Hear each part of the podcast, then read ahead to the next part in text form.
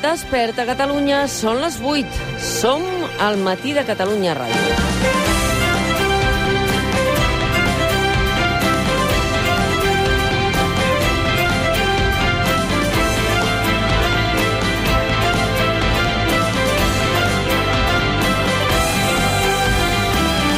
Publiquen avui El País i El Guardian britànic el president del Parlament, Roger Torrent, i Anna Gabriel, entre d'altres, haurien estat espiats a través del mòbil, a través d'un software israelià anomenat Pegasus, que només contracten estats i serveis de seguretat en la lluita contra el crim i el terrorisme.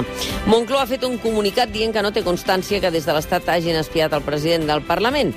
Si haguessin dit el contrari, evidentment això ens hauria eh, sorprès i hauria estat eh, notícia. Roger Torrent ho atribueix, però, a l'Estat, així com l'advocat d'Anna Gabriel, Olivier Peter, que ha fet ara fa una estona un tuit en aquest sentit.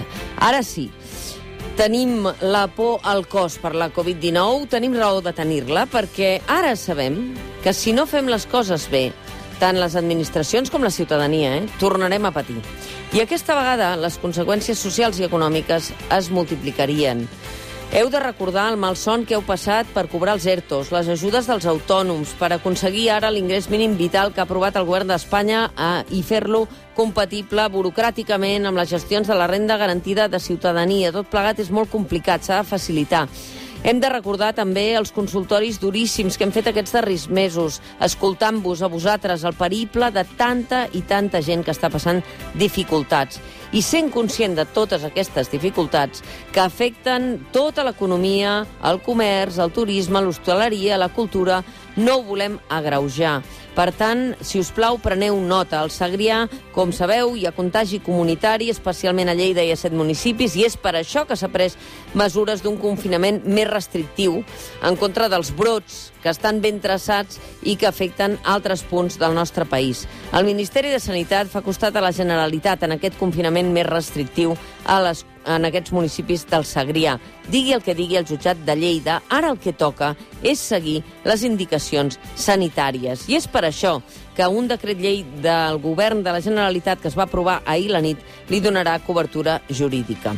La qüestió, diu el president Quim Torra, és no perdre ni un segon per frenar aquest contagi comunitari i que no s'escampi més el contagi de la Covid a Barcelona, que han triplicat casos en una setmana, i a l'Hospitalet, que, com sabeu, estan enfilats. Així que sacrifiquem vida social, contactes innecessaris, poseu-vos la mascareta, encara que no hi hagi la distància suficient de seguretat, i mantingueu les mans netes.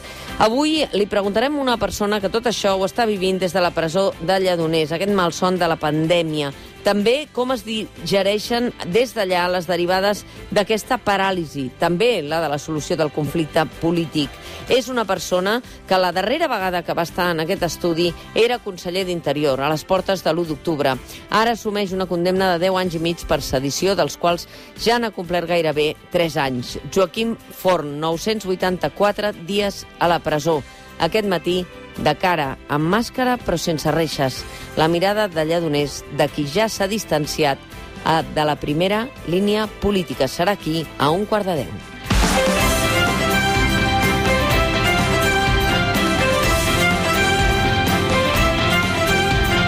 Des d'ara fins a la una som amb vosaltres perquè passi el que passi, volem que aquest sigui un bon dia. El matí de Catalunya Ràdio amb Mònica Terribas.